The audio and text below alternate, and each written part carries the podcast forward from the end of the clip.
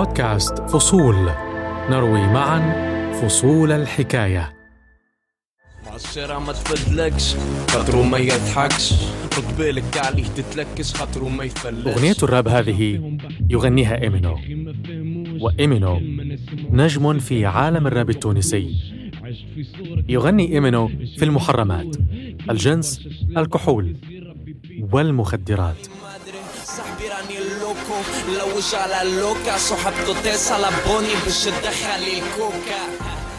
والمخدرات في حياة إيمينو ليست في الغناء فقط فشاب يتعاطاها وسجن من أجلها. وربما هنا البداية لسلسلة من التحولات التي غيرت حياته. قصة إيمينو قصة أليمة لكنها مدخل لحكاية أكبر. المخدرات وخصوصا الحشيش. المنع أم الإباحة؟ التقنين أم التجريم؟ أيهم الأخف ضررا؟ أنا محمود الشعراوي وهذه حلقة جديدة من بودكاست فصول.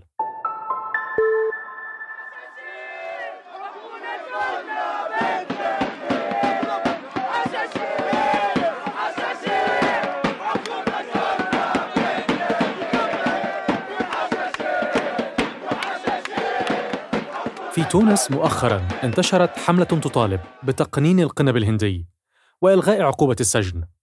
آخرون يريدون تجديد العقوبات والالتزام بالقانون مهما حصل. زميلتي مروى وشير بحثت هذا الموضوع ورتبت فصوله. مرحبا محمود أهلا مروى. قبل أن أعرف منك يا مروى ماذا يحدث في تونس؟ أود أولا وقبل كل شيء أن أعرف ماذا حدث لإيمينو إمينو واسمه الحقيقي مروان الدويري كان يدخن الحشيش مع أصحابه في إحدى السهرات. ثمانية أعوان بوليس اقتحموا جلستهم وجروهم بالسلاسل إلى مركز الشرطة. حدث ذلك في 2012 بعد ثمانية أشهر ونصف يخرج إيمينو من السجن وهو يشعر بالظلم. في السجن كان إيمينو قد تعرف على مغني راب آخر اسمه ولد الكانز علاء اليعقوبي. عدوني عالزاطلة بكوا لمي ما هزوني في 2013 ولد الكانز يصدر أغنية جديدة تهين رجال الشرطة. ولد الكانز أهدى الأغنية لإيمينو. بذلك يتورط إيمينو ويحكم عليه بالسجن مرة أخرى. هذه المرة رفض إيمينو الامتثال للقضاء واختفى عن الأنظار.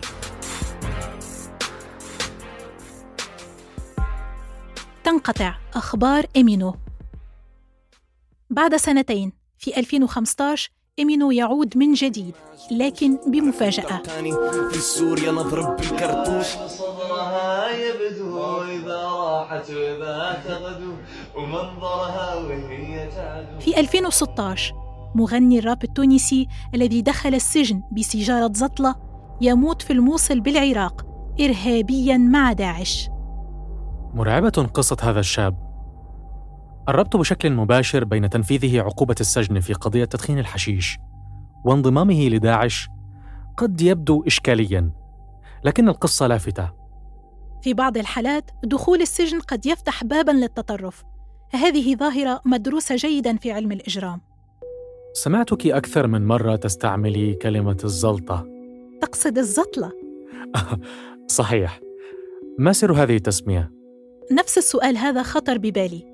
أيمن الرزقي من الناشطين في تونس المطالبين بتقنين القنب قال لي إن كلمة الزطلة دخيلة على تونس. تونس كانت تنتج نبتة تسمى الكيف وكان الأجداد يدخنونها مع شرب الشاي لتهدئة الأعصاب. لكن بعد صدور قانون يجرم الكيف لم تعد هذه النبتة تزرع في تونس وأصبحت تدخل عن طريق المغرب مرورا بالجزائر عبر شبكات تهريب. والكلام لأيمن.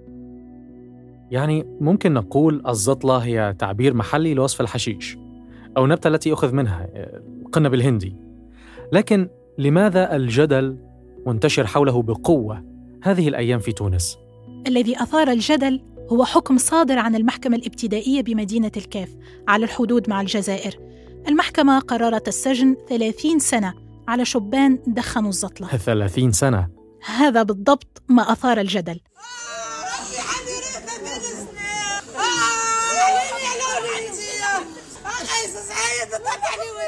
عقوبات المخدرات في تونس يقررها قانون صدر قبل 29 سنة. القانون ورقمه 52 تصل فيه العقوبة إلى 30 سنة بل وأكثر. الشبان الثلاثة الذين حكم عليهم بالسجن. هم في الواقع أربعة شبان. آه هناك رابع أربعة. آه ما داعي تشديد العقوبة عليهم؟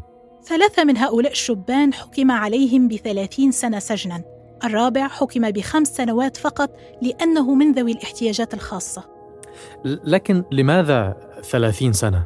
لأنهم ضبطوا يدخنون الزطلة في ملعب كرة قدم استهلاك المخدرات في مؤسسة عمومية سبب لتغليظ العقوبة في القانون وهل هذا الملعب الذي ضبطوا فيه مؤسسة عمومية؟ هو ملعب مهمل ومهجور وأشبه بالخرابة يقول أيمن الرزقي وهو المتحدث باسم لجنة شباب الكاف وجبهة تحرير القنب. قضية شغلت الرأي العام في ولاية الكاف وفي مختلف جهات بلادنا. المحامي كمال خليل يقول إن المنشأة الرياضية الفارغة لا يجوز أن تعامل كمؤسسة عامة. المقصود من من هذا الفصل وإرادة المشرع عندما وضع هذا الفصل اتجهت إلى زجر الاستهلاك أو ارتكاب الجريمة وقت يبدأ المكان يعج بالعموم معناتها معبي بلغتنا التونسية العامية.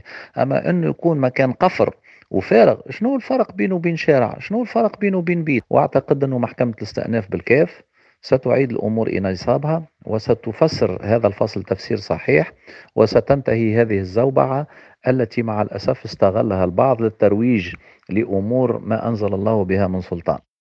ما هي هذه الأمور التي تحدث عنها المحامي كمال الخليل؟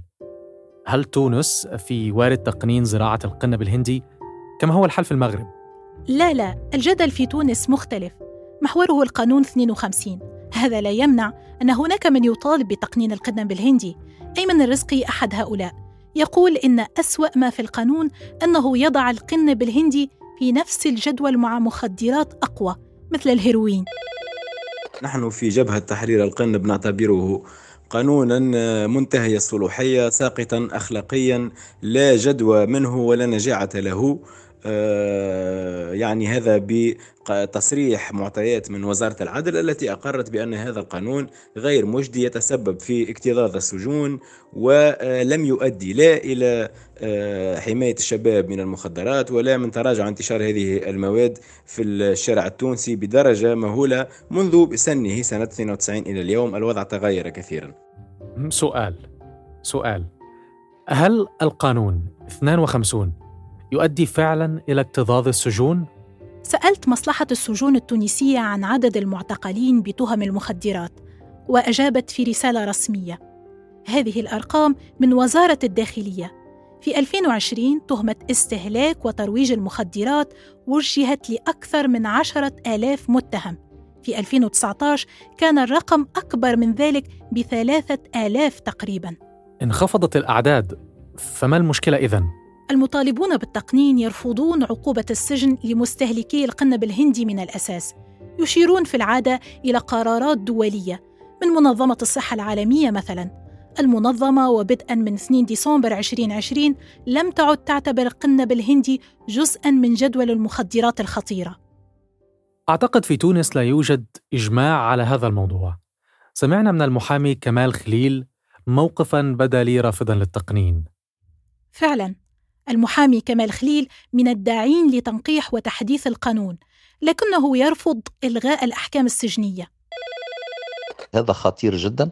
هذا تمشي أنا أرفضه. معناتها غدوة يطالبون بتقنين السرقة بعد غدوة يطالبوا بتقنين البغاء وهي ماشية فهمت؟ هي واضح أنه هو معناتها تمشي لترذيل المجتمع ولضربه في في مكتسباته الأخلاقية. الحشيش وفق ما يقول المحامي كمال خليل هو المخدر الأول في حياة الكثيرين. لكنه ليس المخدر الأخير. هل هذا صحيح علميا؟ هل تدعمه الأرقام؟ هذا سؤال محوري. الجدل هنا كبير والإجابات متناقضة. لكن هناك من يعتبر سيجارة الحشيش بوابة إلى حياة من الإدمان والإجرام. وهو رأي عبر عنه رضا الجوادي النائب المستقل في ائتلاف الكرامة بالبرلمان التونسي. مسألة الإدمان تبدأ دائما بسيجارة واحدة وقد تبدأ بما يصنف خفيفا لكنها تنتهي إلى أخطر أنواع المخدرات. نشكو في بلادنا في السنوات الأخيرة ارتفاع نسبة المخدرات نسبة عفوا الإجرام والبركاجات والقتل والاغتصاب. أصبحنا نعيش على مآسي مثل قتل الشاب لوالديه بطريقة بشعة. نتيجة آه، غياب عقله أثناء تناوله للمخدرات. وبالتالي لابد من وقفة حازمة ضد هذا الإجرام. الحقيقة هذا كلام متكرر. هنا في الولايات المتحدة يشيع تعبير gateway drug للإشارة إلى الماريوانا. لكن هل هذا صحيح علمياً؟ سأنقل لك إجابة العلماء في المعهد الوطني لدراسة تعاطي المخدرات. وهو مؤسسة بحثية تتبع الحكومة الفيدرالية الأمريكية. يقول المعهد إن تدخين الماريوانا يرتبط بشكل ما بالإدمان على الكحول والسجائر والمخدرات. بتعبير آخر مدخنو الماريوانا يصبحون أكثر عرضة لإدمان المخدرات الثقيلة لكن هذا ليس مصيرا محتوما. الغالبية العظمى ممن يدخنون الماريوانا لا ينتهون إلى إدمان مخدرات أقوى. مروى سأرتب الأمور في عقلي قليلا. هناك جدل في تونس محوره قانون يتشدد في عقوبات تعاطي المخدرات. بدأ بعد الحكم بالسجن ثلاثين عاما على شبان دخنوا الحشيش. هذا الجدل يستدعي قصة مغني الراب إيمينو الذي بدأت أزمته باستهلاك الحشيش وانتهى إرهابيا. قلت لي أيضا إن ائتلافا من الناشطين التونسيين يريد تغيير هذا. هذا الجدل ليس تونسيا خالصا. لم يبدأ في تونس في فرجينيا حيث أعيش. يناقش برلمان الولاية تقنين الماريوانا. هذا صحيح. عدد متزايد من الولايات الأمريكية بدأ في تخفيف القيود على زراعة الماريوانا واستهلاكها. لا يخلو الأمر من جدل. حتى في الولايات المتحدة هناك من يحذر الماريوانا وآثارها الصحية ليست مدروسة جيدا يقولون. وهي قد تفتح الباب لعودة مخدرات أقوى.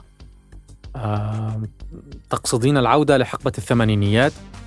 ربما العقد الأعنف حين انتشر مخدر الكوكايين. صحيح الفترة المشهورة في أفلام العصابات. Using illegal drugs is against the law. And if you break the law, you pay the price. Because the rules have changed. If you do drugs, you will be caught. And when you're caught, you will be punished. من المعروف أن الولايات المتحدة أعلنت في الثمانينيات الحرب على المخدرات هذه الحرب المثيرة للجدل ناشطون كثر يقولون إنها السبب في ارتفاع عدد السجناء في الولايات المتحدة إلى أكثر من مليونين لكن على الجانب الآخر هناك إجماع تقريبا على أن جرائم المخدرات انخفضت جدا منذ أن بدأت الحرب على المخدرات. هنا مفارقة أراها مهمة جدا. كما تعرفين الولايات المتحدة تعاني في السنوات الأخيرة من أزمة كبيرة في إدمان المواد الأفيونية وهذه الأزمة لم تؤدي إلى ارتفاع عدد المساجين. الحكومة الأمريكية هذه المرة وفرت العلاج الصحي للمدمنين والإرشاد العائلي والاجتماعي أيضا. هنا درس مهم. كيف يمكن تحقيق الردع بالقانون مع مراعاة الجانب الاجتماعي؟ هناك جانب اقتصادي أيضا. الملاحقة الأمنية والسجون تكلف الدولة أموالا طائلة. كريم شعير هو أحد مؤسسي الائتلاف من أجل تقنين مادة القنب الهندي يقول إن تونس يمكن أن تكسب مئة ألف وظيفة لو شرعت القنب الهندي. هي نبتة لها أولا استعمالات طبية وصيدلية لذلك فهي نبتة مشغلة من ناحية الصناعات الصيدلية والطبية بالإضافة إلى استعمالاتها في النسيج والطاقة واستعمالاتها كزيوت وفي مواد التجميل وحتى في آه، البناءات يعني في المقاولات لذلك فإنها نبتة مشغلة هذا دون الحديث عن استعمالاتها الترفيهية. وهو ما له وقع إيجابي على الحركية السياحية في البلاد. سياحه نشطة، اقتصاد مزدهر أم مجتمع تسوده الجريمة والإدمان؟ رؤيتان مختلفتان جدا. هل يتفق طرف الجدل على أي شيء؟ نعم، هناك اتفاق على الإصلاح القانوني والتوعية الاجتماعية. في المحور القانوني وبالرغم من الاختلاف حول العقوبات السجنية، هناك اتفاق على أهمية تنقيح القانون. تمت المصادقة بالفعل منذ قليل على مشروع القانون المتعلق بتنقيح القانون عدد 52 سنة في الواقع عدلت تونس بعض بنود القانون عام 2017 والنتيجة كانت مذهلة العدد الإجمالي للمدانين في قضايا استهلاك المخدرات انخفض إلى النصف تقريبا من حوالي 6000 إلى 3000 تقريبا. هل هذه الأرقام رسمية يا مروة؟ نعم هذا الرقم تحصلت عليه من وزارة العدل التونسية. تحدثت عن الإصلاح القانوني وقلت أيضا إن التوعية الاجتماعية محل اتفاق بين طرفي الجدل. استمع معي يا محمود لتسجيلين. الأول لكريم الشعير الذي يطالب بتقنين القنب الهندي والثاني للنائب رضا الجوادي الذي يرفض هذا التقنين. اللغة واحدة تقريبا. أظن أنه من الأجدى بالنسبة للمخدرات الخطيرة. المخدرات الثقيلة عوض أن نضع أبنائنا في السجون. من الأفضل بالنسبة للمدمنين منهم التحويلهم إلى مراكز لمعالجة الإدمان وللإحاطة النفسية وإلى الإحاطة الصحية وتحسين البنية التحتية للمدارس والمعاهد والملاعب الرياضية ودور الفن والمسرح والثقافة. هذا أولى من الدولة أن تقوم به على أن تضع الأبناء في السجون. إيجاد البدائل الثقافية والإبداعية التي تستغرق وقت الشباب والفراغ الذي يعيشه في كثير من مجتمعاتنا.